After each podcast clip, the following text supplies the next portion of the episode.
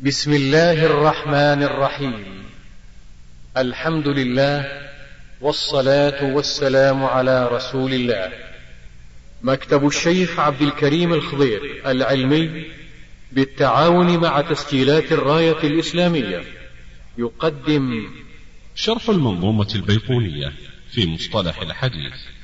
لفضيلة الشيخ الدكتور عبد الكريم ابن عبد الله الخضير. حفظه الله. السلام عليكم ورحمة الله وبركاته. الحمد لله رب العالمين وصلى الله وسلم وبارك على عبده ورسوله نبينا محمد وعلى آله وصحبه أجمعين. قال الناظم رحمه الله تعالى وكل ما لم يتصل بحال إسناده منقطع الأوصال. كل ما لم يتصل بحال إسناده منقطع الأوصال. عرفنا أنهم يشترطون لصحة الخبر اتصال الإسناد بأن يكون كل راو من رواته قد تحمله من فوقه بطريق معتبر. إذا وجد خلل في أي طبقة من طبقات الإسناد بحيث لا يتم الاتصال فالذي ضده والذي يخرج بقيد الاتصال الانقطاع فالمنقطع ضد المتصل. المنقطع ضد المتصل. فالذي لا يتصل إسناده ولا يتحقق فيه الشرط المذكور منقطع. وهذا الانقطاع منه ما هو انقطاع ظاهر أو سقط ظاهر من الإسناد ومنه سقط خفي. فالسقط الظاهر لا يخلو إما أن يكون من مبادئ السند من مبادئ السند طرفه الذي فيه المصنف من قبل المصنف هذا يسمونه المعلق أو من أصله وهو طرفه الذي فيه الصحابي فيسمى المرسل وإن كان من أثنائه إن كان من أثناء السنة فإن كان باثنين فأكثر على التوالي سمي المعضل وإن كان بواحد أو بأكثر من واحد في أكثر من موضع يسمونه المنقطع. المنقطع له مسمى عام وخاص. فالعام يشمل جميع أنواع الانقطاع الظاهر والخفي منقطع وما يكون بضد الاتصال. يصير قسيم للاتصال. فالسند اما أن يكون متصل أو منقطع. المنقطع هذا يشمل جميع الأنواع. والتسمية الخاصة أو الاصطلاح الخاص للمنقطع يكون قسيما للمعلق والمعضل والمرسل. فهم من باب التوضيح والحصر للطالب ليكون أسهل لاستيعابه يجعلون كل نوع يسمى باسم خاص وإلا فالأصل كل هذه الأنواع منقطعة وانتهى الإشكال. لكن إن كان الانقطاع من مبادئ السند سمي المعلق وإن كان من آخره سمي المرسل وإن كان من أثنائه فإن كان بواحد فهو منقطع وإن كان باثنين فأكثر على التوالي سمي المعضل. وكل ما لم يتصل بحال إسناده منقطع الأوصال وهذا يساعده المعنى اللغوي. المعنى اللغوي يساعد هذا التعريف. وهو أيضا المقابلة بالإتصال تجعل كل ما لم يتصل فهو منقطع. والمعضل الساقط منه اثنان وما أتى مدلسا نوعان المعضل ما سقط من إسناده راويان فأكثر على التوالي. والمعضل الساقط منه اثنان. المعضل الساقط منه أكثر من راوي ولا بد من تقييده بأن يكون في أثناء السند. لأنه إن كان من مبادئه ولو باثنين أو ثلاثة سمي إيش؟ معلق. وإن كان من آخره نعم. إذا سقط اثنين. من آخره. سقط التابعي والصحابي. لا يسمونه معضل. يسمونه معضل. لكن يبقى أنه إذا سقط الصحابي فقط وأسقط النبي عليه الصلاة والسلام وأضيف المتن إلى التابعي شو يسمى؟ نعم. إذا حذف الصحابي وحذف النبي عليه الصلاة والسلام ووقف المتن على التابعي. هو معروف الخبر حديث مرفوع أصله. لكن جاءنا من طريق محذوف الصحابي ومحذوف النبي عليه الصلاة والسلام ومنسوبا القول إلى هذا التابعي. يقول هذا باستحقاق اسم الإعضال أولى. ولذا يقول ومنه قسم ثاني. حذف الصحابي والنبي معه ووقف متنه على من تبعه. هذا يقول جعله الحاكم من قبيل المعضل. وابن الصلاح يقول هو باستحقاق اسم الإعضال أولى لأن حذف الصحابي والنبي عليه الصلاة والسلام يصدق عليه أنه حذف منه راويان حذف منه أكثر من راوي على التوالي. ووقف المتن. على التابع. يقول هذا باستحقاق اسم الإعضال أولى ولا بد أن يكون الساقط باثنين فأكثر وأن يكون متواليين. متواليين. والشرط في ساقطه التوالي والانفراد ليس بالإعضال والإعضال لا شك أنه أشد من الإرسال وأشد من الانقطاع وأشد من التعليم. الإعضال من قولهم هذا أمر معضل أي مستغلق شديد لأن الراوي بحذفه اثنين جعل الوصول إلى المحذوف وعر.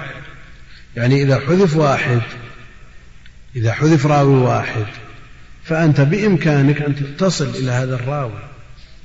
بمراجعة كتب الرجال التي تعنى بذكر الشيوخ والتلاميذ قد تصل.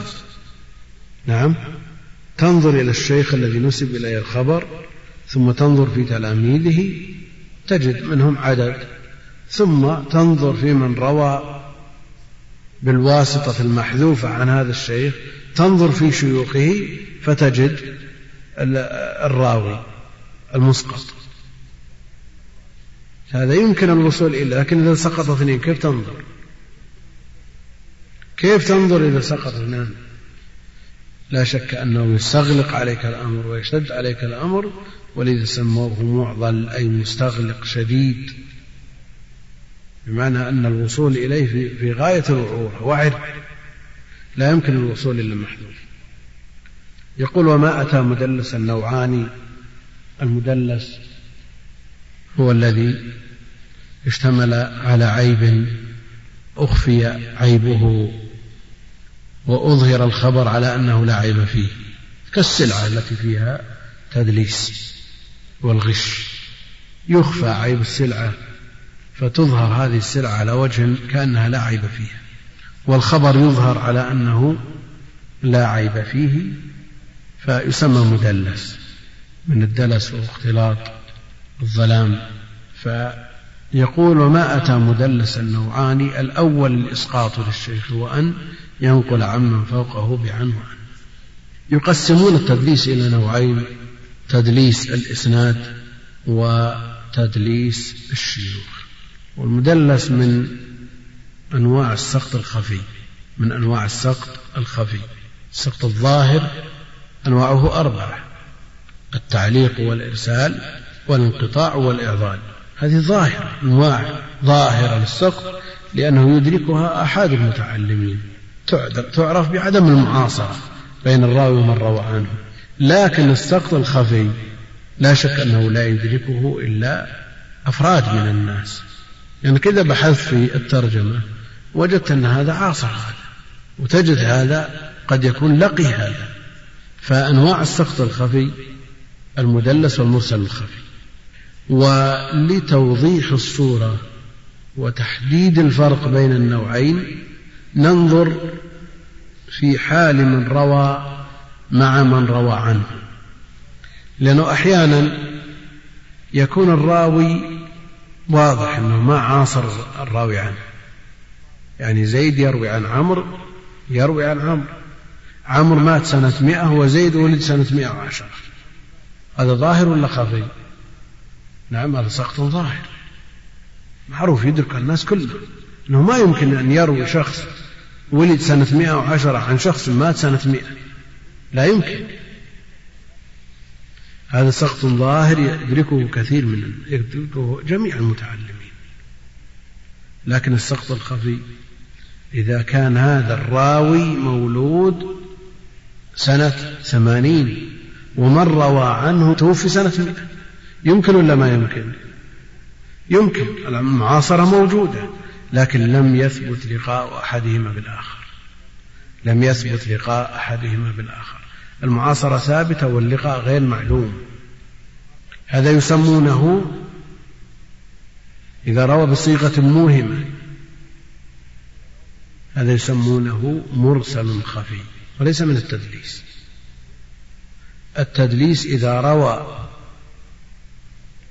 عمن لقيه ما لم يسمعه منه بصيغة موهمة كعن وأن وقال وذكر هذا تدليس روى عمن عاصره ممن لم يثبت لقاؤه له هذا إرسال خفي روى عمن لقيه ما لم يسمعه منه بصيغة موهمة هذا تدليس. روى عمن سمع منه أحاديث. ما لم يسمعه منه بصيغة موهمة يسمى تدليس أيضا. هذه الصورة لا خلاف في كونها تدليس. إذا إذا تحرر الفرق بين التدليس والإرسال الخفي أهل العلم قسموا التدليس إلى قسمين. تدليس إسناد وتدليس شيوخ. طيب قد يقول قائل الشيوخ من الإسناد. الشيوخ من الإسناد. كيف لماذا لا يقال أن تدليس الشيوخ من تدليس الإسناد؟ لأن الشيوخ طبقة من طبقات الإسناد. لكنه يختلف عن تدليس الإسناد لأن تدليس الإسناد فيه إسقاط وتدليس الشيوخ ما فيه إسقاط. السند متصل. يعني إذا روى الراوي عمن لقيه ما لم يسمعه منه بصيغة موهمة كعن وأن مثل هذا تدليس. مثل هذا يسمى تدليس. طيب. تدليس إسناد بمعنى أنه سقط من الإسناد فهو تدليس إسقاط. هذا التدليس يتفنن فيه المدلسون يتفنن فيه المدلسون. فمنه تدليس القطع. يقول حدثنا ويسكت. ثم يقول فلان ابن فلان عن فلان عن فلان. هل هو يقصد بهذا حدثنا فلان؟ نعم. يقول حدثنا ويسكت. ثم بعد ذلك يأتي باسم راو لم يحدثه لا يريد أن تكون هذه الصيغة لمن ذكر بعدها. هذا تدليس قطع. والسامع ينطلع عليه. نعم. بحيث يظن أن هذه الصيغة لهذا الراوي لأنه لو قال حدثنا فلان وهو ما حدثه صار كذب ولا يريد أن يوصف بالكذب ولا يريد أن يكذب على في الخبر. لأنه قال حدثنا ولم يحدثه صار كذاب. هو لا يريد أن ينسب إليه الكذب. فيقول حدثنا ويسكت. لكنه مغرم بالتدليس. عند بعضهم التدليس أشهى شيء. لأن في شيء من النباهة وفي شيء من يعني يسمونه الضحك على الناس. وإن كان الأئمة الذين وصفوا بالتدليس أئمة أجلة ومعروفين لهم يعني لا سيما من احتمل الأئمة تدليسهم كالسفيانين وغيرهما لكن فيه تفنن فيه تفنن. فإذا قال حدثنا وسكت ثم ذكر اسما بعد ذلك هذا يسمونه تدليس قطع وإذا قال حدثنا فلان وفلان فلان وفلان ولا يريد العاطفة الواو العاطفة يريدها استئنافية فيخبر عن فلان الثاني بخبر يضمره. يقول حدثني فلان صحيح حدثه فلان لكن فلان الثاني وفلان يضمر غير مسموع لي أو فلان لم يحدثني. حدثني فلان وفلان لم يحدثني. هذا يسمونه إيش؟ تدليس العطف. تدليس القطع وعندنا تدليس العطف. في تدليس يسمونه شر أنواع التدليس تدليس التسوية. تدليس التسوية. فيأتي إلى ضعيف بين ثقتين لقي أحدهما الآخر فيسقط الضعيف ويقتصر على الثقتين. هذا يسمونه تدليس التسوية وشر أنواع التدليس. شر أنواع التدليس تدليس التسوية. فإذا روى زيد عن بكر عن عمر بكر هذا ضعيف وزيد لقي عمر بحيث لو بحثت ما وجدت انقطاع. يسقط هذا الضعيف. وزيد لم يروي عن عمرو إلا بواسطة بكر هذا الضعيف فإذا أسقطه صار تسوية. سوى الإسناد. ويسميه القدماء تجويد يعني جوده ذكر الأجواد فقط دون الأدنية أسقط الأدنية. هذا تدليس تسوية وشر أنواع التدليس. وليس من هذا النوع إذا روى الراوي الخبر عن اثنين أحدهما ثقة والآخر ضعيف اقتصر على الثقة وحذف الضعيف. يعني البخاري حينما يروي خبر من طريق مالك وابن لهيعة يحذف ابن لهيعة يقتصر على مالك. تدليس ولا ليس بتدليس؟ ليس بتدليس. ليس بحاجة إلى ذكر الضعيف يكفي الثقة.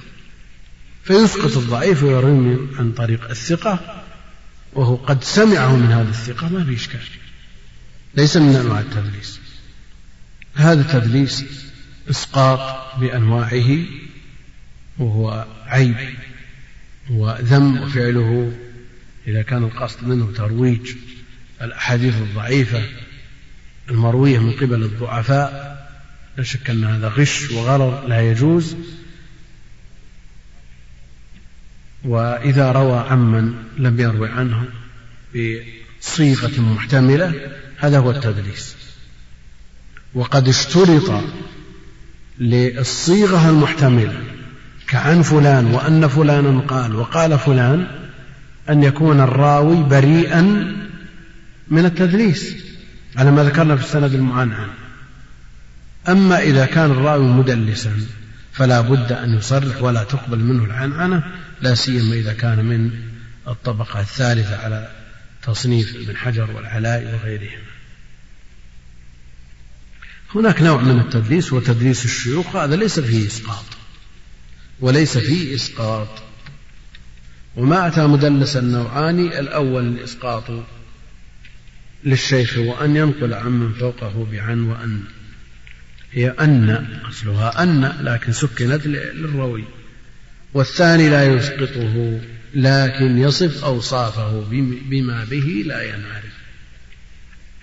لا يسقط الراوي لكن يصفه بوصف لا يعرف به أو يكنيه بكنية لا يعرف بها أو ينسبه بنسبة لا يعرف بها أو يذكره بلقبه وقد اشتهر باسمه. يذكره بكنيته وقد اشتهر بنسبته. هذا تدليس لأن فيه توعيرا للوصول إليه.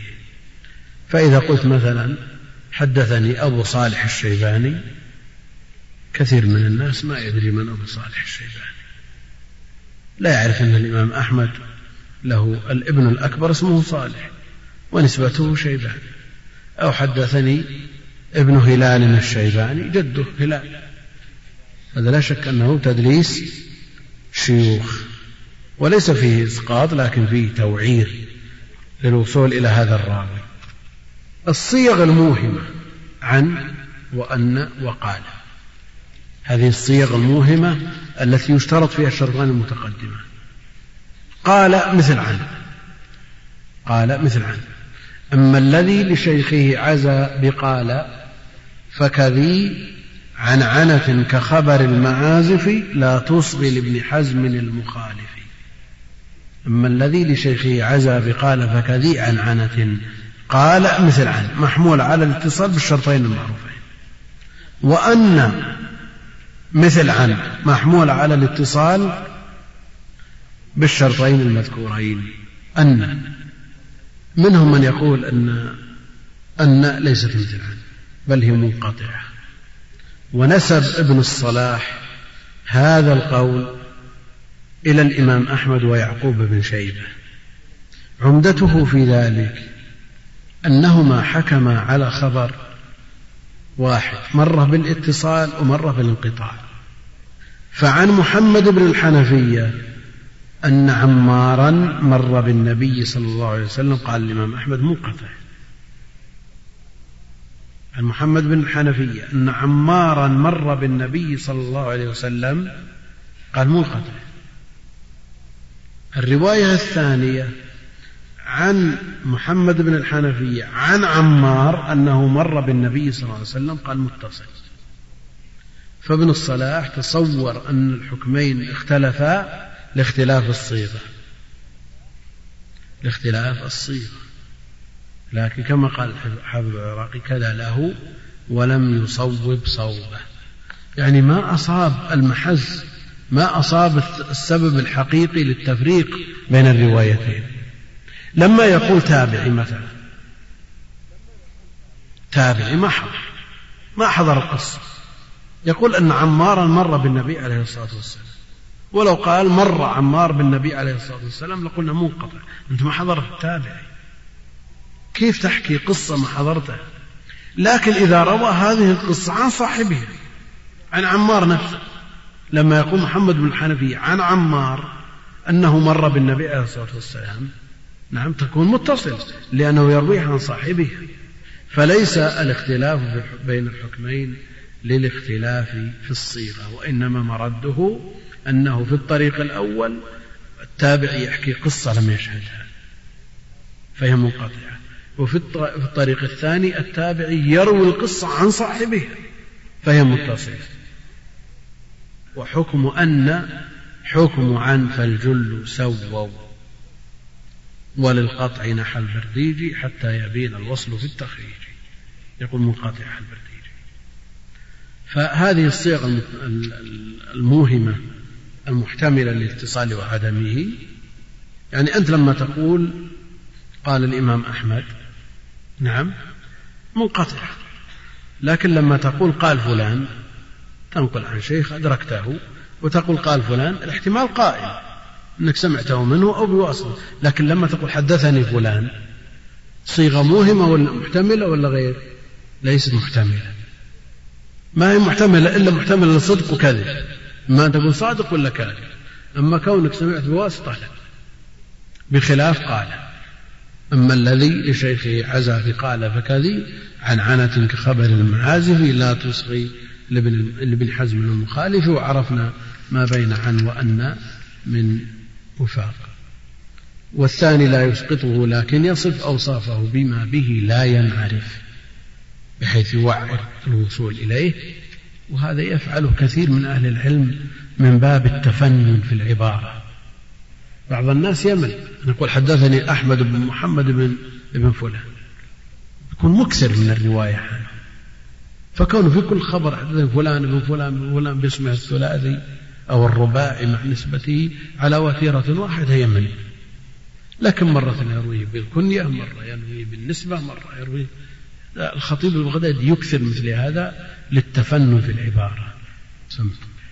وما يخالف ثقة به الملأ فالشاذ والمقلوب قسمان تلا إبدال راو ما براو قسم وقلب إسناد لمتن قسم والفرد ما قيدته بثقة أو جمع أو قصر على رواية وما بعلة غموض أو خفا معلل عندهم قد عرفا وذو اختلاف سند أو متن مضطرب عند أهيل الفن والمدرجات في الحديث ما أتت من بعض ألفاظ الرواة اتصلت وما روى كل قرين عن أخه مدبج فاعرفه حقا وانتخه متفق لفظا وخطا متفق وضده فيما ذكرنا المفترق مؤتلف متفق الخط فقط وضده مختلف فاحش الغرض والمنكر الفرد به راو غدا تعديله لا يحمل التفرد متروكه ما واحد به انفرد. وأجمعوا لضعفه فهو كرد والكذب المختلق المصنوع على النبي فذلك الموضوع. وقد أتت كالجوهر المكنون سميتها منظومة البيقون. فوق الثلاثين بأربع أتت أبياتها تمت بخير ختمت. صلى الله وسلم. على رسول يقول الناظم رحمه الله تعالى وما يخالف ثقة به الملأ فالشاذ والمقلوب قسمان تلا. وما يخالف ثقة به الملأ فالشاذ ما ما يرويه الثقة. يخالف به من هو أوثق منه. هذا هو الشاذ عند المؤلف وتبع فيه الإمام الشافعي رحمه الله تعالى. وهو الذي استقر عليه الاصطلاح عند المتأخرين. وما يخالف ثقة به الملأ فالشاذ ويقول الحافظ العراقي رحمه الله تعالى وذو الشذوذ ما يخالف الثقة فيه الملأ فالشافعي حققه. هذا اختيار الإمام الشافعي في تعريف الشاذ وهو اشتراط المخالفة قيد المخالفة مع آه، كون الراوي ثقة. أما مع تخلف الشرط الأول هو المخالفة فلا يسمى شاذ إلا على قول من يطلق الشذوذ على مطلق التفرد.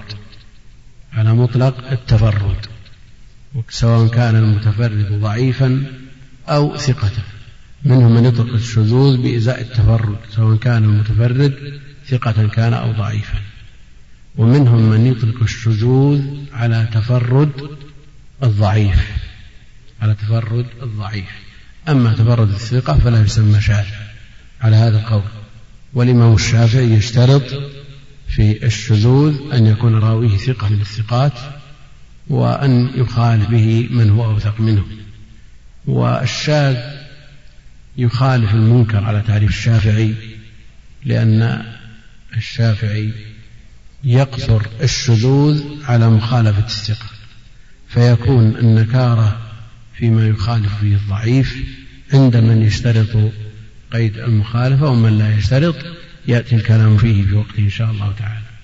فالفرق بين الشاذ والمنكر أن الشاذ مخالفة الثقة والمنكر مخالفة غير الثقة. وهذا ما قرره الإمام الشافعي فيما يقول الحافظ العراقي رحمه الله تعالى وذو الشذوذ ما يخالف الثقة فيه الملا فالشافعي حققه. وعرفنا أن الحاكم والخليل يطلقان الشذوذ على مجرد التفرد يختلفان في كون المتفرد ثقة أو مطلقا ثقة أو غير ثقة. والمقلوب قسمان تلا إبدال راو براو قسم وقلب إسناد لمتن قسم. نعم. المقلوب ما ينقلب فيه على راويه سواء كان القلب في المتن أو في السند سواء كان القلب في السند أو في المتن أو فيهما جميع معا. فإذا انقلب السند على راو من الرواة.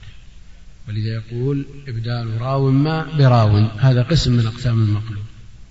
فالحديث المعروف بنافع إذا جعله راو من الرواة عن سالم يكون قلب سنده.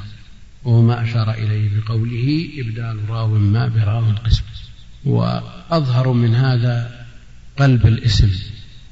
بجعل مرة بن كعب كعب بن مرة أو نصر بن علي علي بن نصر. هذا قلب ظاهر هذا قلب ظاهر في الإسناد.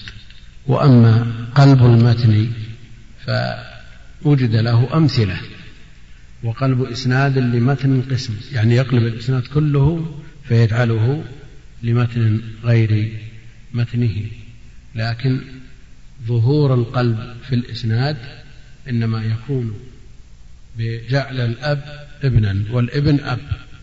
لا يتصور أن ينقلب إسناد بجعل التلميذ شيخ والشيخ تلميذ إلا من باب رواية الأكابر عن الأصاغر.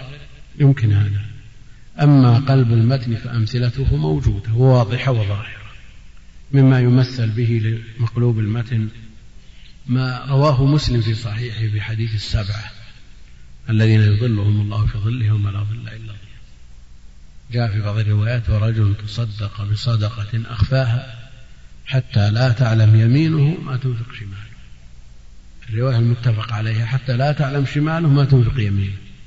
لأن الإنفاق إنما يكون باليمين. فانقلب على الراوي فقال حتى لا تعلم يمينه ما تنفق شماله. وهذا في الصحيح. ومن باب صيانة الصحيح يمكن أن يخرج الحديث على وجه يصح على وجه يصح. يمكن الإنسان يتصدق بالشمال وهذا إذا كان مكثرا من الصدقة فيحتاج إلى الإنفاق بشماله كما كان ينفق بيمينه.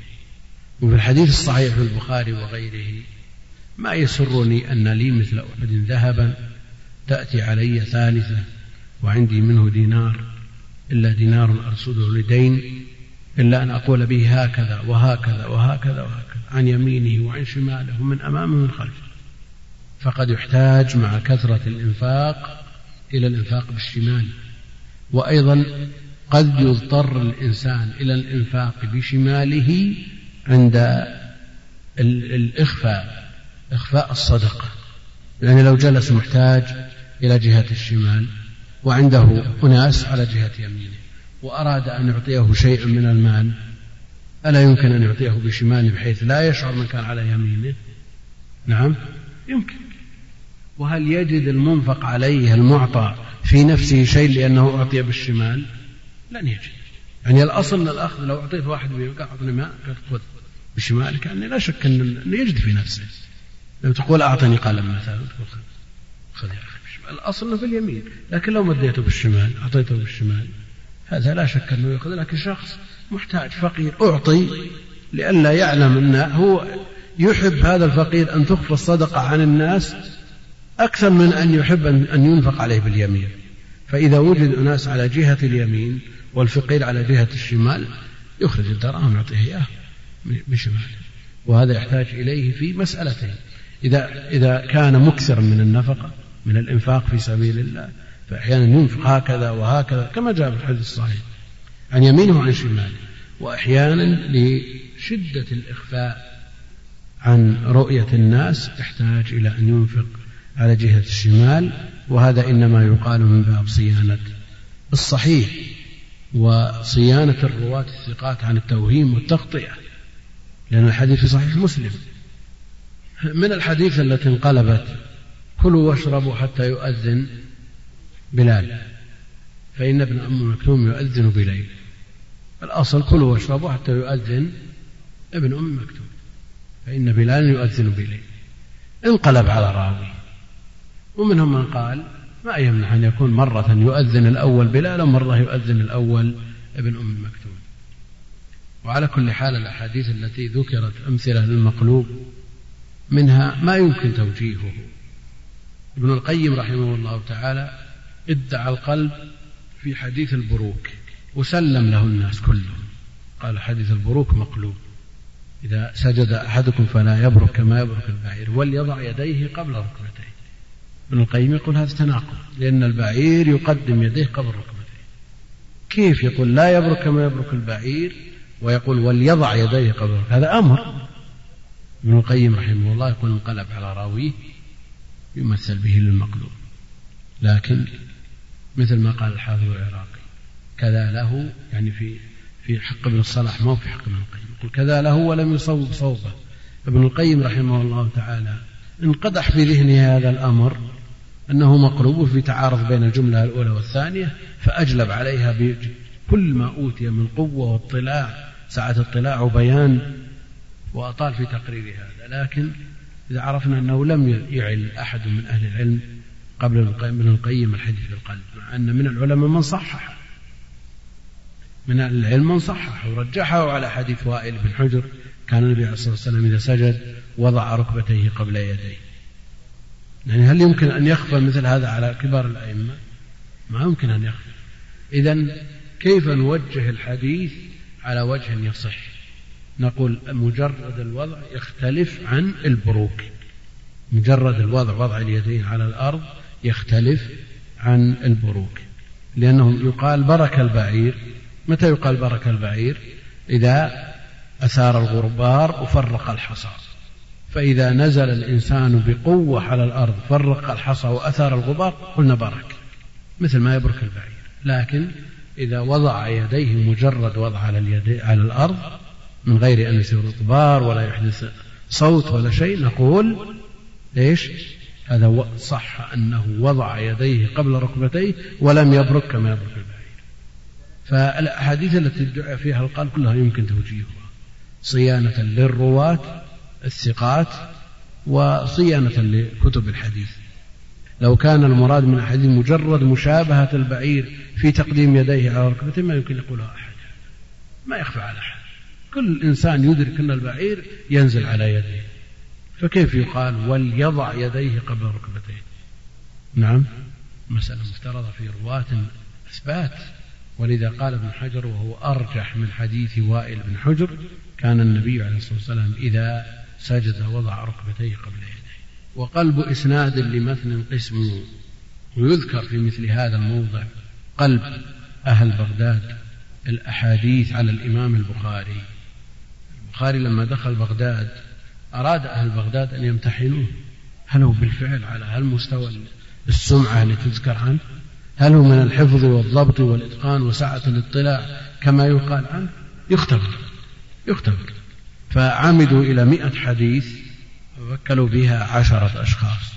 قسموها على عشرة أشخاص.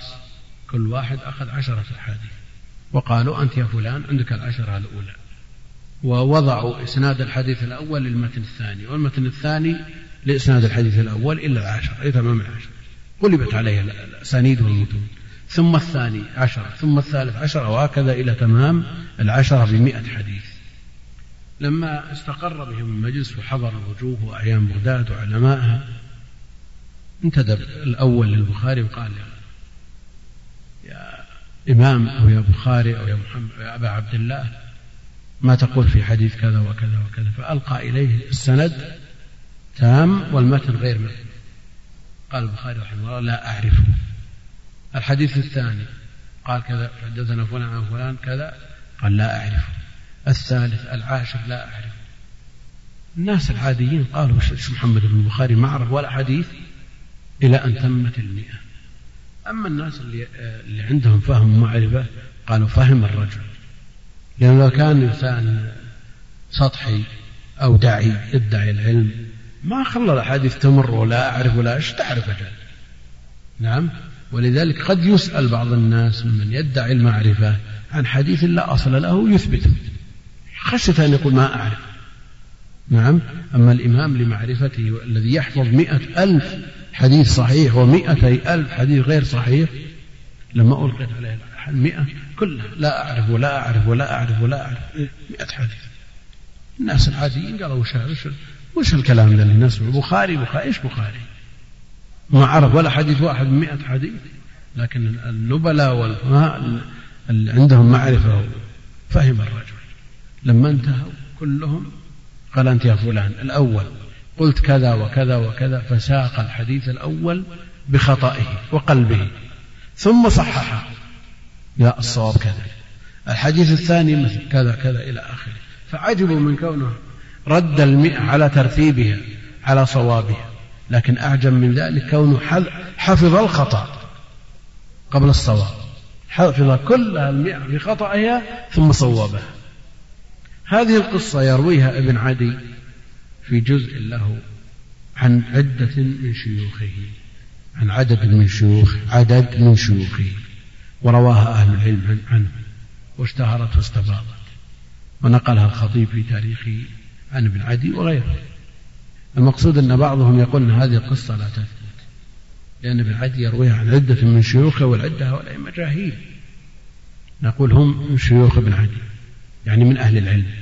الأمر الثاني أنهم عدة يجبر بعضهم بعضا هم واحدة واثنين وثلاثة فجهالة مثل هؤلاء نعم تنجبر بكونهم مجموعة. وأيضا الراوي ناقد. ابن عدي ما هو إنسان آه، سهل. ما هو إنسان لو من اطلع على كتابه الكامل عرف أنه من فحول الرجال. فبيثبت قصة عن مجاهيل مو صحيح. فالمقصود حتى أيضا مثل هذه القصة التي الأصل فيها أنها خبر عن إمام حافظ. يعني ما يستغرب أن الإمام البخاري يفعل هذا الفعل. أيضا من الأئمة الدار قطني.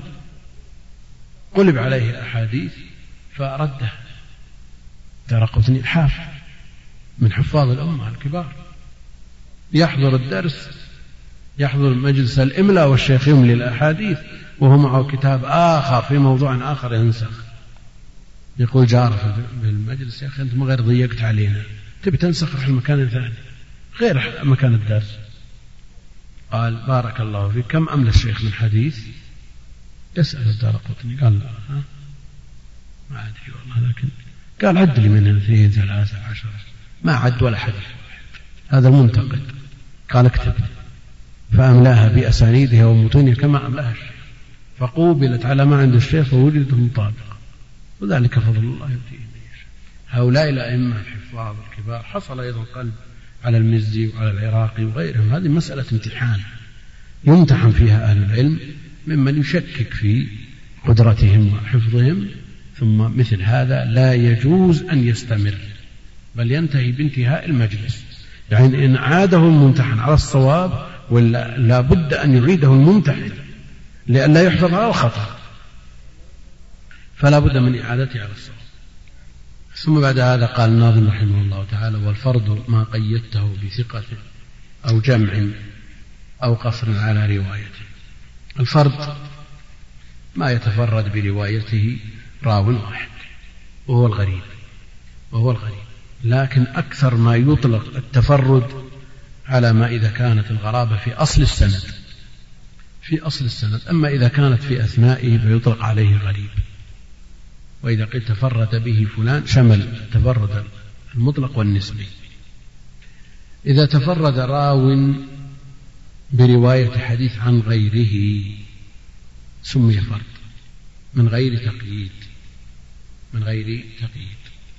إذا تفرد به راو واحد عن ثقة من الثقات سمي فرد. ولو رواه غيره عن غير هذا الثقة. لكنها غرابة وفردية نسبية وليست مطلقة. يعني إذا كان حديث لا يروى إلا من طريق هذا الراوي بأي وجه من الوجوه هذا يسمى فرد مطلق. وإن كان الأصل في إطلاق الفردية على التفرد في أصل السند. لكن أيضا هو مطلق إطلاق يعني ما يرويه غير هذا الشخص. لا يرويه أحد مطلقا غير هذا الشخص. لكن إذا كان مروي من من طرق كثيرة. طريق من الطرق تفرد بروايته عن هذا الشيخ شخص واحد. وأما من عداه رواه عنهم كثر. هذا تفرد به فلان عن فلان لكن تفرد نسبي وليس بالمطلق إذا تفرد به هذا الراوي وهو ثقة وشاركه في الرواية عن هذا الشيخ مجموعة لكن ضعفاء. هذا تفرد ثقة تفرد به هذا الثقة عن هذا الشيخ ولو شاركه آخرون ضعفاء. والفرد ما قيدته بثقة يعني تفرد به هذا الثقة. أو جمع يعني جمع كبير لكنهم يشملهم وصف واحد. أهل بلد مثلا أو قبيلة جمع. أهل بلد كامل.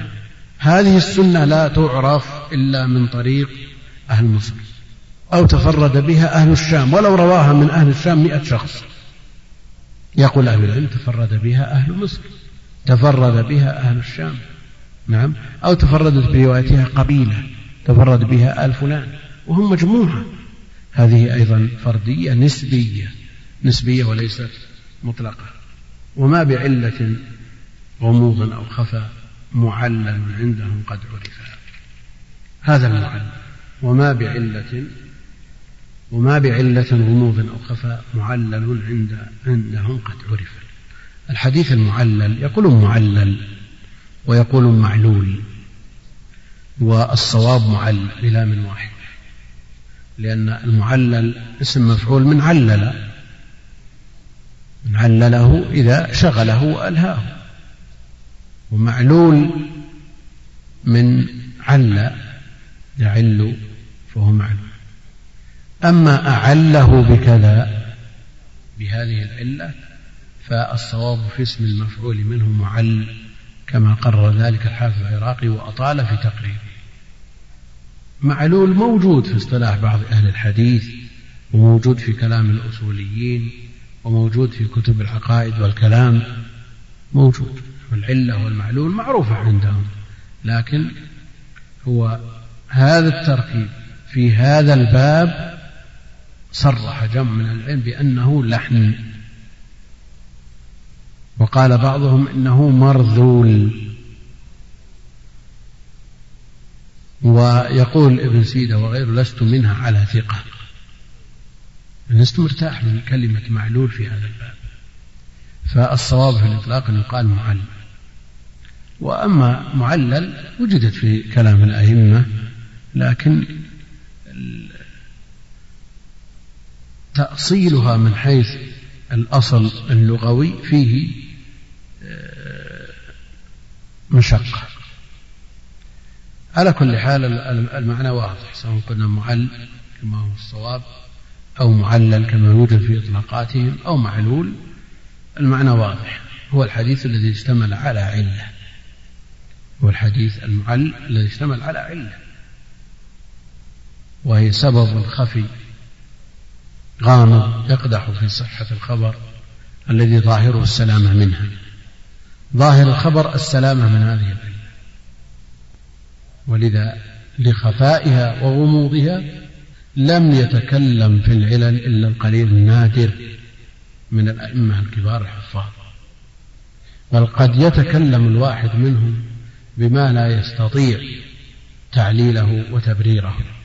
يأتي السائل إلى الإمام الكبير من أئمة الحديث فيقول الحديث فيه علة. طيب ما هذه العلة؟ لا يستطيع التعبير عنها. لأن هناك أمور تنقدح في ذهن المجتهد يصعب التعبير عنها. لكن يكفي أنك تذهب إلى ثاني وثالث ورابع كلهم يقولون بأن فيه علة. ولذا قال بعضهم إن معرفتنا بهذا العلم إلهام. وقال آخر إنه كهانة عند الجاهل. كهانة عند الجاهل يعني شلون؟ الأصل أن من يحكم بشيء يعلل حكمه. ضعيف لكذا. لكن شيء انقدح في ذهن المجتهد وليس من سببه التشهي أو التحكم لا.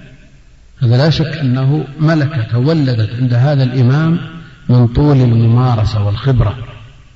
من طول الممارسة والخبرة كل علم من علوم الدنيا أو الآخرة مع طول الممارسة تنقدح في ذهن الممارس هذا الخبير بهذا الفن أمور آه، قد يعتبرها بعض الناس سحر.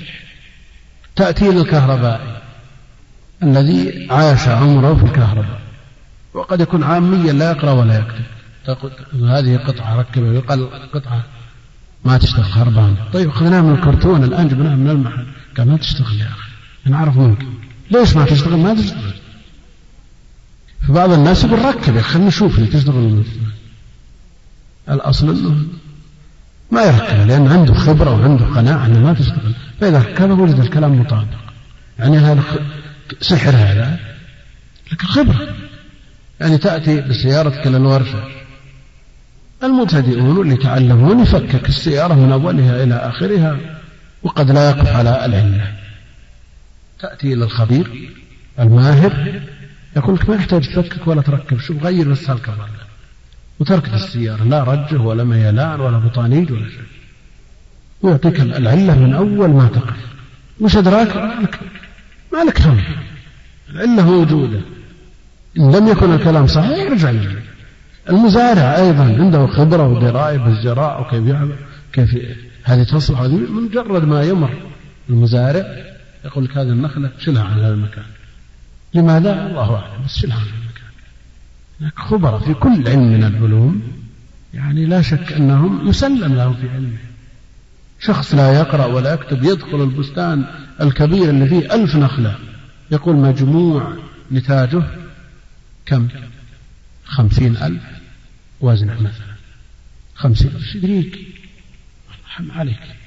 الخرص سببه خبرة وجربة ولا من يتصور ينزل لوحده يازن يكتب ثم الثاني يازن ويجمع. ثم الثالث إلى أن تصل إلى ألف نخلة. نعم. تجد مطابق. من إن جاءه على العلم. نعم. نزل عليه وحي. لا خبرة. وهكذا الخبرة في جميع العلوم. يعني خبرة جميع فروع المعرفة. مثل ما يصير هذا مري باقتفاء الأثر قائف هذا أيضا قائف في فنون أخرى من المعرفة أنا أعرف ناس في الكتب إذا دخل قدر المكتبة كلها من أولها وآخرها وما تستحق مكتبة شاسع. مثل المبنى هذا كله مليان كتب المكتبة فيها كذا من كتاب وتستحق كذا قيمة. هذا عبث هذا خبرة. أيضا العلم بهذه الأمور الخفية الغامضة خبرة.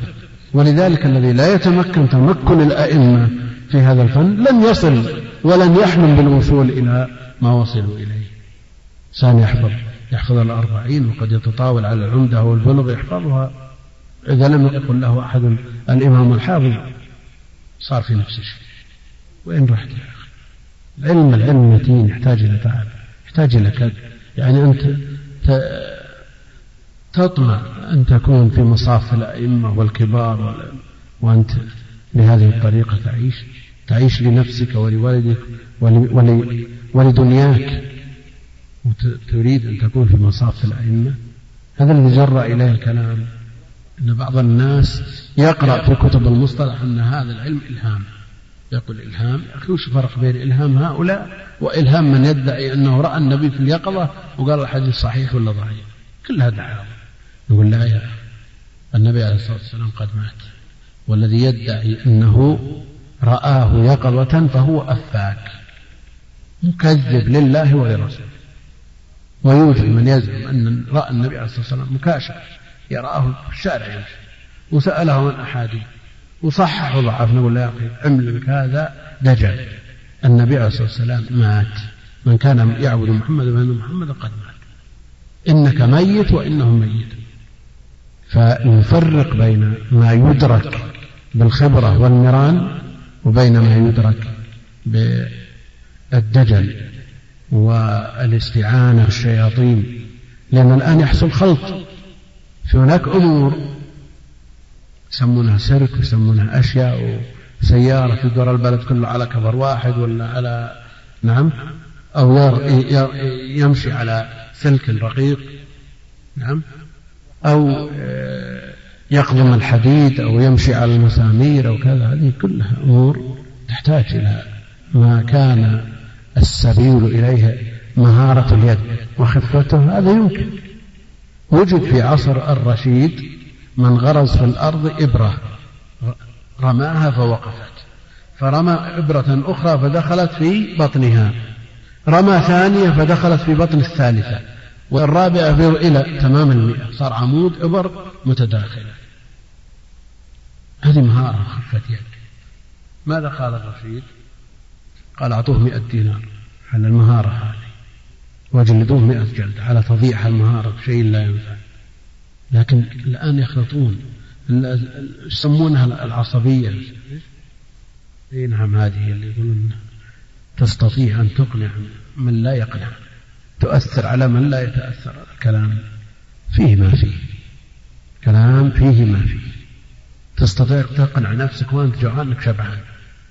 أو ضميان ميت من الظمأ تكون ريان على كل حال لابد من التمييز الدقيق بين هذه الأمور وإذا اشتبه الأمر فالأصل المنع لئلا يدخل الدجال والأفاك والمشعوذ والساحر يدخل مداخل ويدعي هذه الدعاوى. يعني إذا لم نستطع أن أن نقتنع بها عقليا من باب الحقائق الواضحة فالأصل المنع سدا للذرائع سد الذريعة مطلوب. حماية جناب التوحيد مطلوب. بعض الرقاة يزعم أنه إذا رقى المريض قرأ على المريض ظهرت صورة العائن على صدر المريض. يراها الراقي والمرقي هل يمكن أن يدرك مثل هذا بمجرد الرقية؟ هل هذا حصل لسلف الأمة؟ أبدا. هذه استعانة. شعر الإنسان أو لم يشعر؟ في أول الأمر قد تكون إعانة من غير طلب ثم يستعين فيما بعد. وقد يستعين من غير تقديم شيء. ثم بعد ذلك إذا صار في منتصف الطريق لا يستطيع أن يتقدم وتأخر وصار ذكره على ألسنة الناس. وساد بين قومه أنه أحرق كذا مملكة جن وشياطين ومشى على يده مئة مقعد وكذا. إذا وصل إلى هذا الحد لا يستطيع أن يتراجع. قيل له قرر اشرك. في مثل هذه الأمور لا بد من أن نكون على حذر منها. لا بد أن نكون استعانة بالشياطين استعانة بالجن. ولو كانوا مسلمين ينبغي أن لا يسترسل فيه ولو منع منعا باتا لكان له وجه.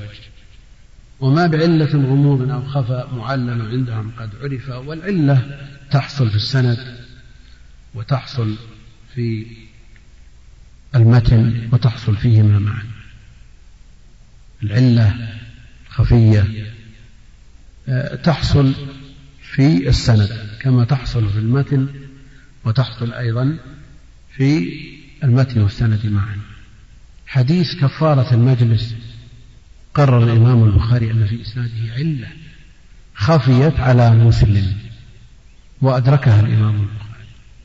وعلة المتن كما يقول الحافظ العراقي وعلة المتن كنفي البسملة. إذ ظن راو نفيها فنقله. علة المتن كنفي البسملة إذ ظن راو نفيها فنقله. حديث المتفق عليه صليت خلف رسول الله صلى الله عليه وسلم وأبي بكر وعمر فكانوا يستفتحون الصلاة بالتكبير والقراءة بالحمد لله رب العالمين. هذا حديث متفق عليه. فهم بعض الرواة أنهم لا يذكرون بسم الله الرحمن الرحيم. فهم. فهم النفي. فنقل. فنقل على ضوء ما. ما فهم. وعلة المتن كنفي البسملة إذ ظن راء نفيها فنقل على حسب وهمه على حسب فهمه نقل. هذا مثلوا به لمعلم المتن. لكن يمكن تخريجه على وجه النص. شيخ الإسلام ابن تيمية وابن حجر وجمع من أهل العلم قالوا أن النفي هنا محمول على نفي الجهر. لا يذكرون جهرا ولا ينفي ولا ينفي أنهم يذكرونها سرا فتتحد الروايات. تتحد الروايات. آه، الأصل في العيال أن تكون خفية غامضة وأن تكون قادحة. لكن أطلقت العلة على غير القادحة. ولذا اشترطوا في تعريف الصحيح في العلة قيدت بكونها قادحة. انتفاء العلة القادحة. فالأول المتصل الإسناد بنقل عدل ضابط الفؤاد عن مثله من غير ما شذوذ وعلة قادحة فتوذي. يدل على أن هناك من العلل ما لا يقدح. ما لا يقدح. من العلل مثلا. كوننا لا نطلع على تعيين وتمييز هذا المهمل. تمييز المهمل ما استطعنا. حديث عن حماد حديث عن سفيان ما استطعنا أن نميز حماد هل هو ابن زيد أو بن سلمة؟ ولم نستطع أن نميز سفيان هل هو الثوري أو ابن عيينة؟ هذه يسمونها علم لكن هي قادحة ولا غير قادحة؟ غير قادحة لأنه أينما دار فهو على ثقة. فالعلة غير القادحة لا تؤثر وإن سميت علة ومثل ما ذكرنا ذكر أهل العلم أن الأصل في العلة أن تكون غامضة سبب خفي غامض.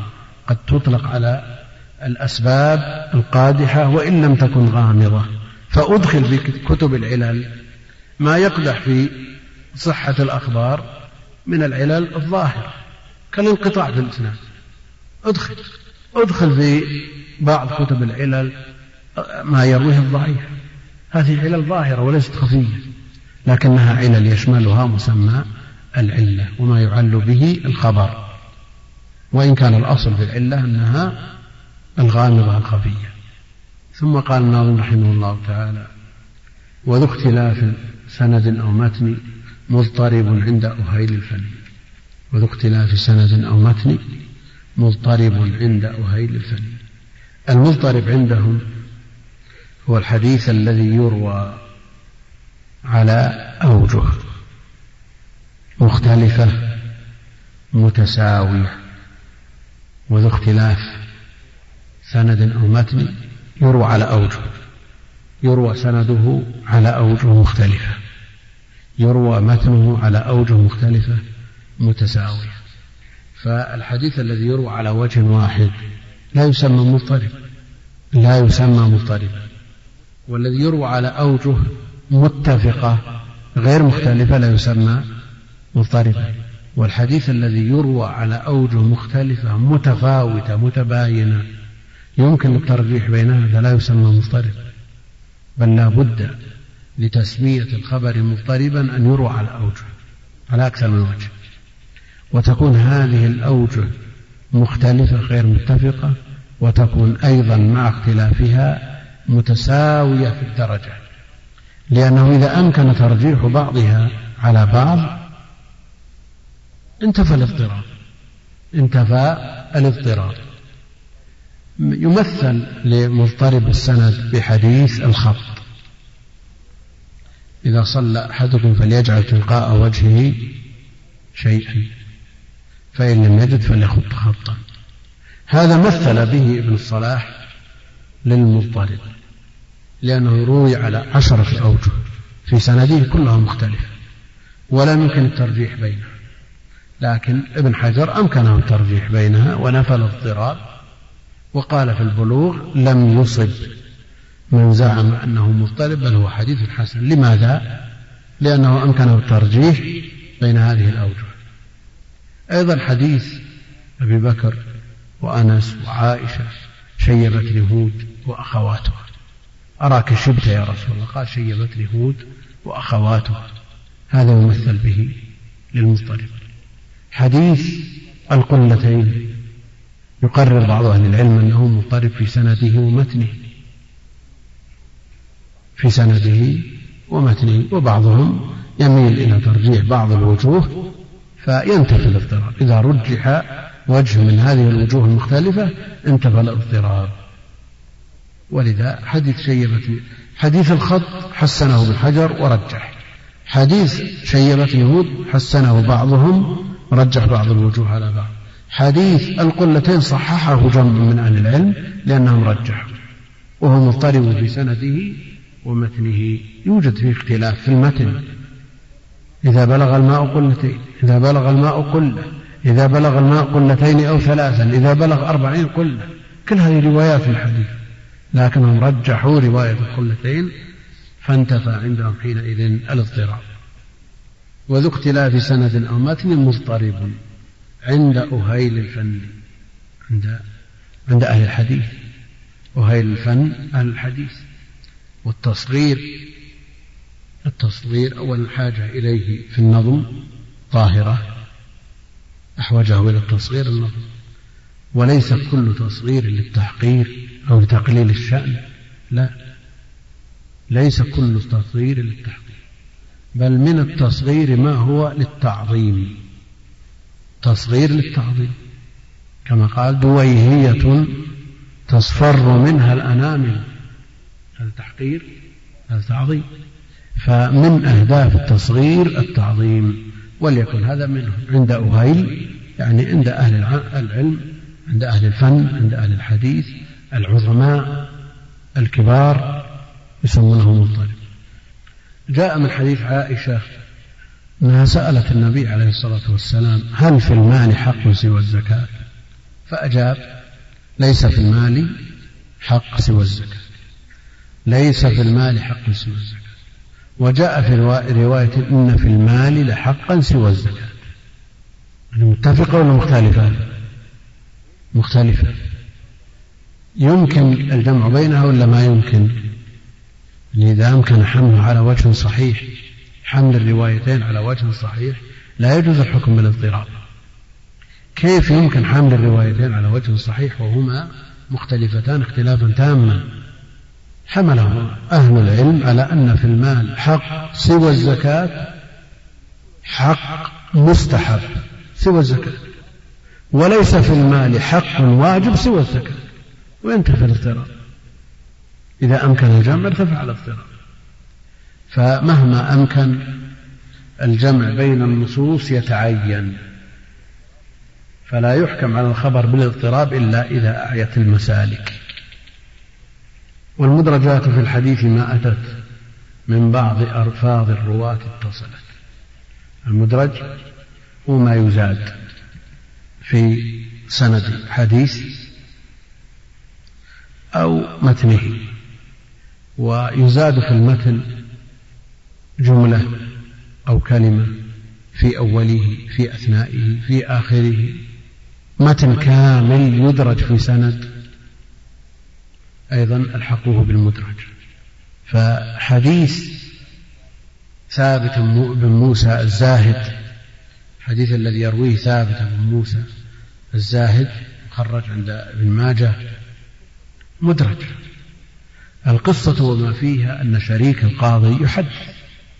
يحدث طلابه. فقال حدثنا فلان عن فلان عن فلان عن فلان. فدخل ثابت بن موسى الزاهد. وهو زاهد. وغافل عن حفظ الحديث. ليست له يد ولا عناية في الحديث لكنه عابد. صاحب عبادة وقيام ليل. لما دخل ثابت بن موسى الزاهد وقد وقف شريك على ذكر النبي عليه الصلاة والسلام في إسناد حديث. حدثنا فلان قال حدثنا فلان قال حدثنا فلان قال قال الرسول صلى الله عليه وسلم ثم دخل ثابت المسجد. فقال من كثرت صلاته بالليل حسن وجهه بالنهار. من كثرت صلاته بالليل حسن وجهه بالنهار. ثابت لما سمع هذا الخبر وقبله إسناد أخذ يرويه. بالإسناد السابق.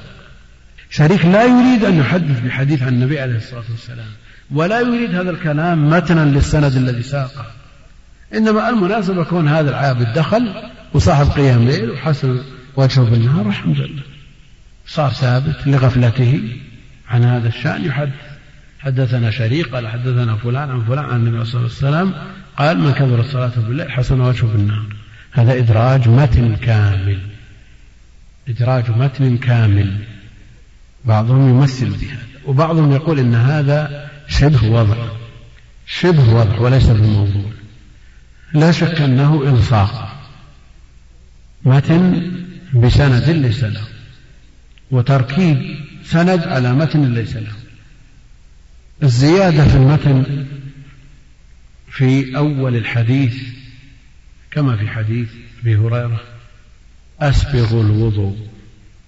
ويل للأعقاب من النار. أسبغ الوضوء. ويل للأعقاب من النار. هذه زيادة. أسبغ الوضوء من قول أبي هريرة.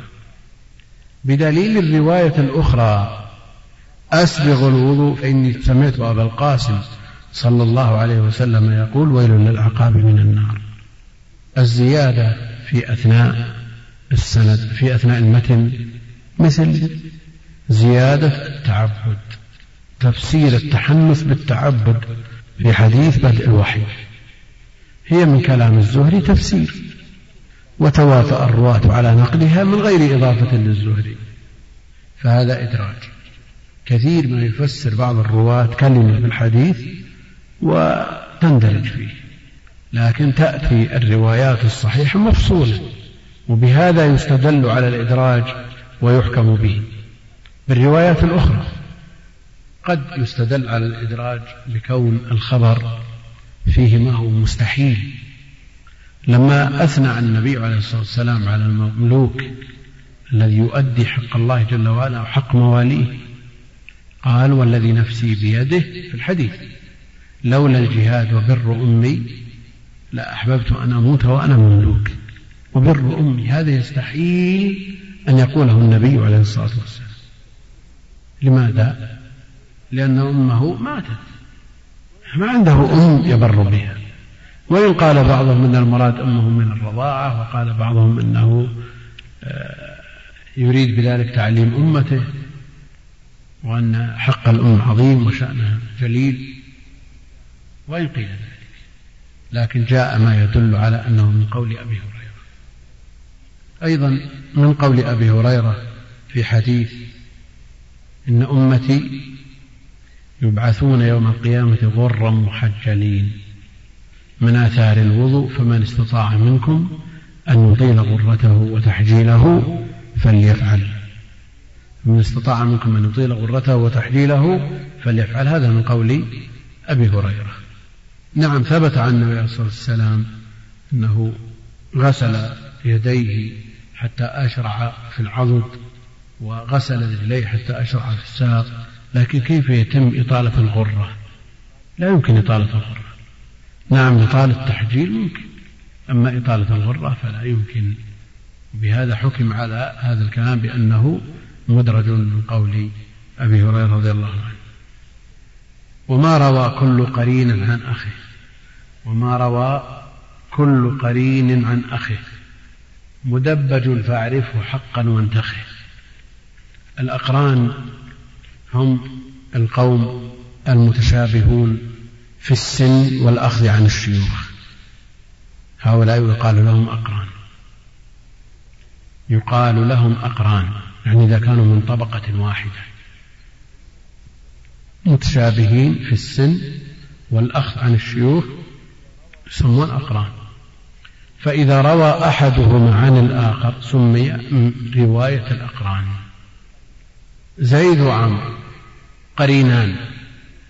روى أحدهما عن الآخر. روى زيد عن عمرو فقط قلنا رواية أقران روى عن عمرو عمرو عن زيد فقط قلنا رواية أقران لكن إذا حصل التزاوج بمعنى أن زيد يروي عن عمرو وعمرو يروي عن زيد قلنا إيش؟ مدبج. هذا مدبج. روت عائشة عن أبي هريرة وروى أبو هريرة عن عائشة مدبج. روت عائشة عن أبي هريرة فقط هذا رواية أقران روى التابع عن التابعي والتابع وروى العكس قلنا مدبج وإذا اقتصر أحدهم بالرواية عن الآخر قلنا رواية أقران وهذه موجودة بكثرة في هذا النوع فيما يذكر من الرواية رواية الأكابر عن الأصاغر. يروي الشيخ عن تلميذه يروي الأب عن ابنه. هذا موجود. يروي كبير السن عن صغير السن. يسمونه رواية الأكابر عن الأصاغر. يعني الأصل أن الصغير يروي عن الكبير التلميذ يروي عن الكبير. لكن قد يحتاج إلى العكس.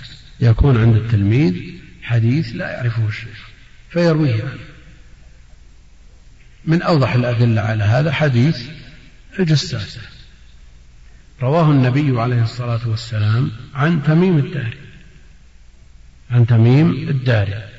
حديث الجساسة فهو من رواية الأكابر عن الأصحاب صالح بن كيسان من كبار الآخذين عن الزهري وهو أكبر منه سنا لكنه تأخر في الطلب وحفظ الحديث فاحتاج إلى أن يروي بكثرة عن صالح بن كيسان.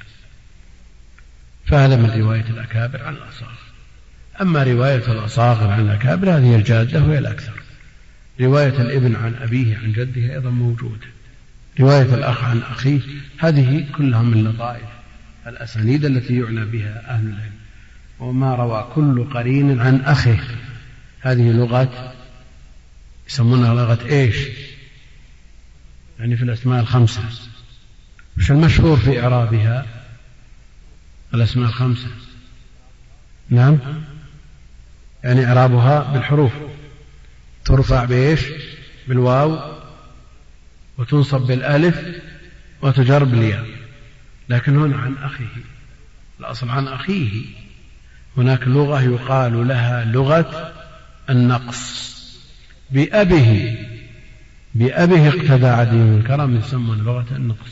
هناك لغة ثالثة في الأسماء الخمسة لغة القصر. إن أباها وأبا أباها هذه لغة القصر. وما روى كل قرين عن أخيه مدبج فاعرفه حقا وانتخه وانتخه أي افتخر به واعرفه واقصده لأنه يدل على شيء من التواضع. يعني رواية القرين عن قرينه يدل على شيء من التواضع.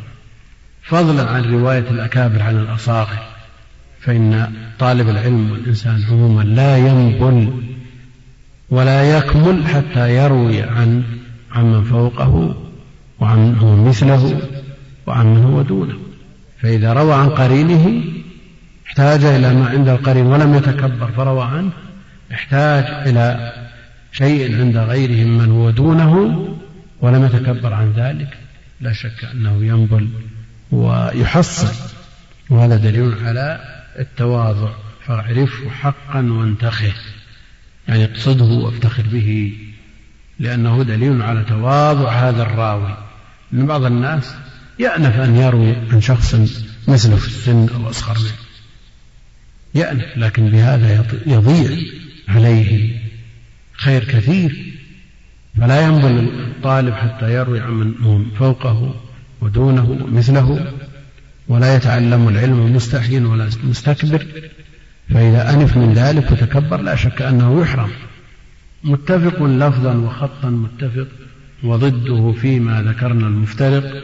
مؤتلف متفق الخط فقط وضده مختلف فاحش وغلط من المباحث التي تبحث وهي في غاية الأهمية والجهل بها قبيح جدا بطالب العلم. ولا بد من أن يعنى بها طالب العلم ويراجع عليها المصادر لأن أسماء الرجال تختلف عن المتون. المتون قد يستدل عليها بما قبلها وما بعدها يعني السياق يساعد في أن تفهم اللفظ وتؤدي اللفظ وتنطق اللفظ. نعم السياق يساعد. هذه الجملة تستطيع أن تنطقها صوابا باعتبار ما قبلها وما بعدها لكن راوي من الرواة. كيف تنطق هذا الراوي الذي خالف جاده؟ وأنت ما راجعت عليه الكتب. وما أخذته من أفواه الشيوخ. يعني كم من شخص يغلط في عبيدة السلماني لأن الجادة إيش؟ عبيدة لكن ما مر عليها. فالعناية بأسماء الرواة في غاية الأهمية والجهل بها شنيع قبيح لطالب العلم. يعني هل يجدر بشخص من كبار الآن من الذين يشار إليهم؟ كبار من الكبار يعني عمره فوق السبعين. ويتصدر لتعليم الناس وفتاهم يقول سلمة بن كهبل تقبل هذه من من ينتسب إلى علم؟ نعم. ما تقبل. سلفة بن كهيل هذا معروف. نعم. يقرأها سلمة بن كهبل هذا هذا عيب عيب. بالنسبة للصغار فضلا عن الكبار. والطالب إذا لم يعتني بهذا الباب من أول الأمر بيستمر. ألفت الكتب الكثيرة في هذا كتب المتفق والمفترق والمؤتلف والمختلف والمشتبه كتب كثيرة جدا. فتجد الباب كله جادة على وزن واحد يخرج واحد. عبيدة مثلا. متفق لفظا وخطا متفق. يتفق في اللفظ والخط. لكنه يفترق في الذات. هذا المتفق والمفترق. يتفق في الخط واللفظ. يفترق في الذات والحقيقة. فمثلا ستة أشخاص كلهم الخليل بن أحمد. لكن كل واحد يختلف عن الثاني. فإذا مر بك الخليل بن أحمد في علم من العلوم وترجمت الواحد على أنه الخليل بن أحمد صاحب العروض مشكلة. يعني آه، كثير من طلاب العلم الذي لا ينتبه لمثل هذه الأمور وكل اسم ينبغي أن يستدل به على فنه. يعني تعرف تقرأ تعريف لغوي لمسألة من المسائل وقال الليث. يجيك طالب العلم ما شاء الله يرجع إلى أقرب مذكور ويترجم لليث بن سعد الإمام. ما هو صحيح. نعم. كل إنسان له فن. كتب اللغة تنقل عن الليث بن المظفر. فيقرح لطالب العلم أن ينتقل ذهنه من هذا إلى هذا. وقد يتكايس ويأتي بتعبير يدل على شيء من التحري. يقول إن لم يكن ابن سعد فلا أدري من هو. يا أخي ابحث واعرف واقدر الأمور قدرها ومايز بينها. يأتي في سياق كلام لغوي مثلا قال أبو حاتم ترجم لأبي حاتم الرازي ما هو صحيح حاتم السجستاني غير أبي حاتم الرازي. تأتي لعلة من العلل قال أبو حاتم منكر ترجم لأبي حاتم السجستاني. ما هو صحيح. هذه أمور لا بد من التنبه لها. لا بد من أن يتنبه لها طالب العلم ويراجع عليها الكتب. فعندك مثلا أبو عمران الجوني اثنين ما هو واحد. وعندك أيضا أحمد بن جعفر بن حمدان أربعة أشخاص. كيف تميز بين هذا وهذا؟ لا بد من معرفة لهؤلاء الأشخاص تضع في ذهنك احتمالات كثيرة. الخليل بن أحمد ستة. يعني مجرد ما يأتيك الخليل في أي فن من الفنون تبي تذهب وتترجم لصاحب العروض. خليل بن أحمد الفراهيدي باعتباره أشهر واحد. نقول ما بيصح كم شخص زل في مثل هذا لعدم خبرته بهذه الأمور؟ فيتفق الاسم واللقب وأحيانا الكنية أحيانا يتفق رباعي. ولا يكون هو. فليتحرى الطالب المقصود ويستدل على هذا ويراجع الكتب على مثل هذا. أحيانا تأتي أسماء مهملة فيصعب تعيينها من قبل الطالب المال عنده خبرة. صور شخص يبحث في فقه عالم من العلماء. رسالة دكتوراه في فقه عالم من العلماء ما استطاع الطالب يعرف اسم هذا العالم. فقه فلان. ما استطاع سأل الكبار والله ما, ما وجد حل. راجع الكتب. ما في فائدة يعني تطلع فقه شخص ما تدري من هو. نعم يستحق البحث الرجل واسمه يدور في كتب الفقه كثير. لكن كيف تجد النص على هذا العالم؟ تحتاج إلى سعة اطلاع. تحتاج إلى خبرة. تحتاج إلى تقييد الفوائد. يعني من يحل مثل هذا الإشكال؟ يعني مر في شرح النووي على مسلم في الجزء العاشر الحادي عشر. أما فلان الذي يدور اسمه كثيرا فهو ابن فلان ابن فلان ابن فلان. منتهى الإشكال. فنحتاج إلى تقييد مثل هذه الأمور والعناية بمثل هذه الأمور. وإذا حصل الإنسان على ضبط كلمة فليودعها سويداء قلبه. يهتم بها. ما بتمر مرور كأنها اللوحات المحلات اللي في الشوارع. يقرأ هذه وكأنها ما تعنيه. لا. هذا علم وأنت محتاج إلى إلى العلوم المتكاملة. وألف في كل فرع من فروع علم الرجال كتب كثيرة. فمثل هذه الأمور في الرواة يأتي فلان ابن فلان ابن فلان. فأنت تظن هذا هو هذا. فواحد من من المعتنين يجعل الاثنين واحد ويجعل الواحد اثنين. المقصود أن مثل هذا ما ترك للاجتهاد لأنه لا يدرك بالإجتهاد.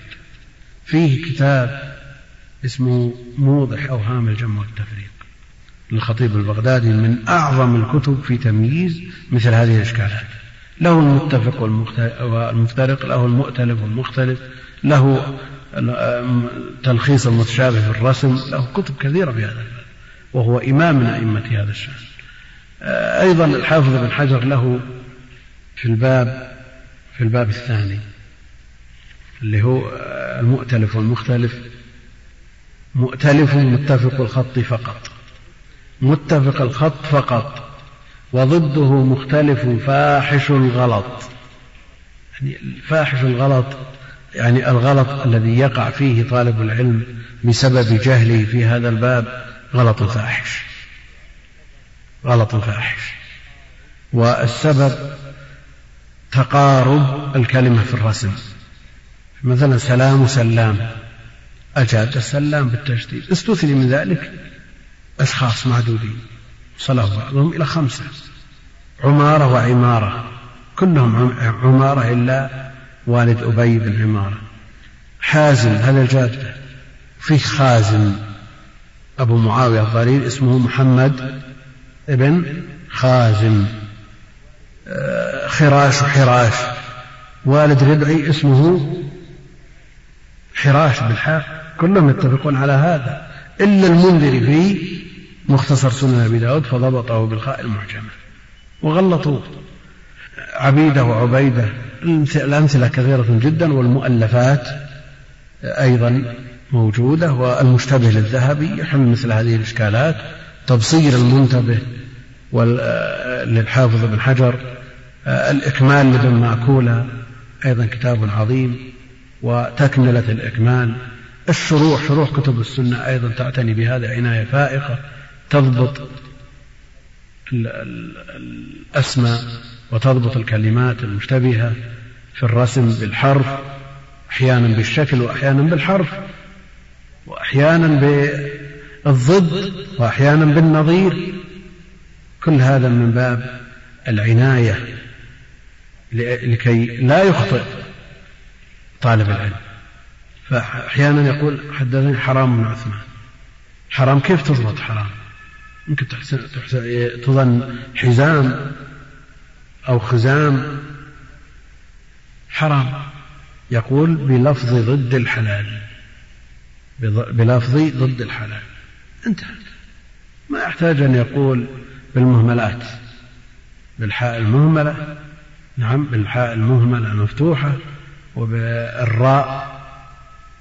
إلى آخره ما يحتاج أن يقول هذا قال بلفظ ضد الحلال. حرام ما حد بيخطئ في هذا. الحكم بن عتيبة بلا بتصغير عتبة الدار هكذا. عندهم عناية يأتون بالضبط على وجوه متعددة. وأحيانا تضبط الكلمة بعد أن تكتب مجتمعة. الهجيمي تكتب هكذا وتضبط بالحركات ثم بعد ذلك تكتب في الحاشية مقطعة. لأن الحرف قد يشتبه بغيره في الاجتماع لكن إذا أفرد صار هاء الهاء يمكن تشتبه بغيرها إذا أفردت ما يمكن والجيم كذلك وإذا أفردت ونقطت وضبطت لا يمكن أن تشتبه وأهل العلم أبدوا في هذا عناية فائقة لأن الخطأ في مثل هذا شنيع ولذلك قال فاحش الغلط. وذكرنا مثال واحد من الكبار يقرأ سلمة بن كهيل بن كهبل يعني والله ما يقبلها صغار الطلاب منهم من يجعل قواعد فيما يشترك فيه أكثر من راوي من وصف أو كنية. مثلا أبو حازم إذا روى عن أبي هريرة فالمراد كذا إذا روى عن سهل بن سعد فالمراد كذا. نعم. واللفظ واحد أبو حازم يأتيك في الإسناد عن أبي حازم عن سهل بن سعد. تبحث في التابعين تجد أكثر من أبي حازم. فإذا روى عن سهل بن سعد فالمراد به سلمة بن دينار الزاهد المعروف. إذا روى عن أبي هريرة فهو سلمان. بعد هذا يقول الناظم رحمه الله تعالى والمنكر الفرد المنكر الفرد به راو غدا تعديله لا يحمل التفرد المنكر سبق الإشارة إلى حد من حدوده عند بعض أهل العلم. وهو ما يخالف فيه الضعيف غيره من الرواة. فإذا وجدت المخالفة مع ضعف المخالف فالرواية منكرة. الرواية منكرة. ومنهم من يطلق المنكر بإزاء تفرد من لا يحتمل تفرده.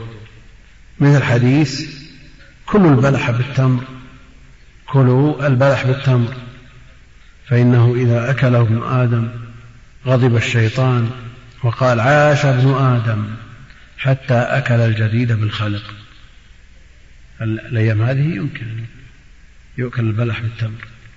نعم. تفرد به أبو ذكير وليس عنده من الضبط والإتقان ما يحتمل معه تفرده. ما يحتمل تفرده. لأنه من أهل ليس من أهل الحفظ والضبط والإتقان. فقالوا هذا منكر لأنه تفرد به من لا يحتمل تفرده. أيضا لفظه منكر. لفظه منكر.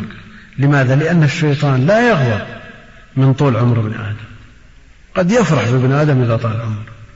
إذا كان عمره لا يستغل فيما يرضي الله جل وعلا. إنما يغضب إذا استعمل هذا العمر في طاعة الله جل وعلا. طويلا كان أو قصيرا. هذا الذي يغضب الشيطان. ومنهم من يقول المنكر والشاذ واحد. لا فرق بينهما. المنكر الفرد كذا كذا البرديجي أطلق. المنكر الفرد كذا البرديجي أطلق. والصواب في التخريج إجراء تفصيل لدى الشذوذ مر فهو بمعناه كذا الشيخ ذكر. يعني ابن الصلاح ذكر أن المنكر والشاذ بمعنى واحد.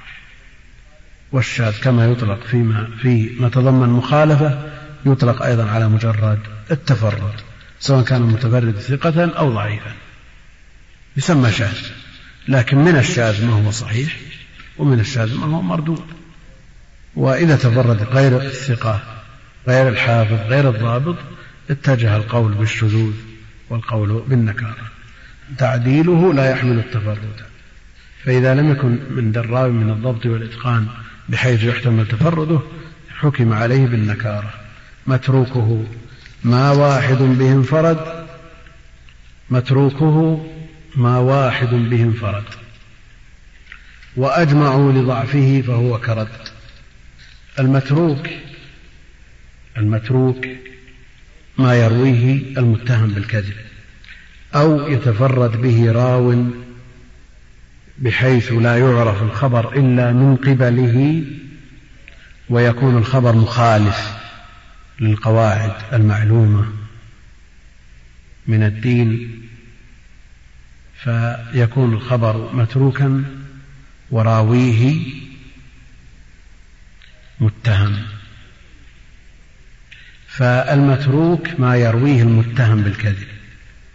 فمتى يتهم الراوي بالكذب؟ يتهم الراوي بالكذب إذا عرف بالكذب في حديثه العادي مع الناس ولم يثبت عنه أنه كذب على النبي عليه الصلاة والسلام يتهم بالكذب لأن هذا لا يتورع عن أن يكذب ما دام معروف بالكذب في حديثه مع الناس يتهم بالكذب على النبي عليه الصلاة والسلام. ولا يرمى بالكذب ولا يقال يكذب ولا كذاب حتى يثبت فيه أنه كذب على النبي عليه الصلاة والسلام ولا مرة واحدة. ما يرويه المتهم بالكذب يسمى متروك. يسمى متروك. متروكه ما واحد منهم انفرد وأجمعوا لضعفه فهو رد فهو كرد يعني من اتفق العلماء على ضعفه يعني لا يوجد من يوثقه وكل من تكلم به تكلم بالضعف أجمعوا على آه، ضعفه يسمى خبره المتروك. فهو كرد يعني مثل المردود. الرد مصدر. رد يرد ردا. مصدر يراد به اسم المفعول المردود فهو كرد يعني كالمردود. والمردود أولى ما يطلق عليه الرد الموضوع المكذوب المختلق على النبي عليه الصلاة والسلام. فهو في حكمه. لماذا صار في حكمه؟ لأن ضعفه شديد فلا يقبل الانجبار فوجوده مثل عدمه. والله أعلم وصلى الله وسلم وبارك على عبده ورسوله نبينا محمد وعلى آله وصحبه أجمعين.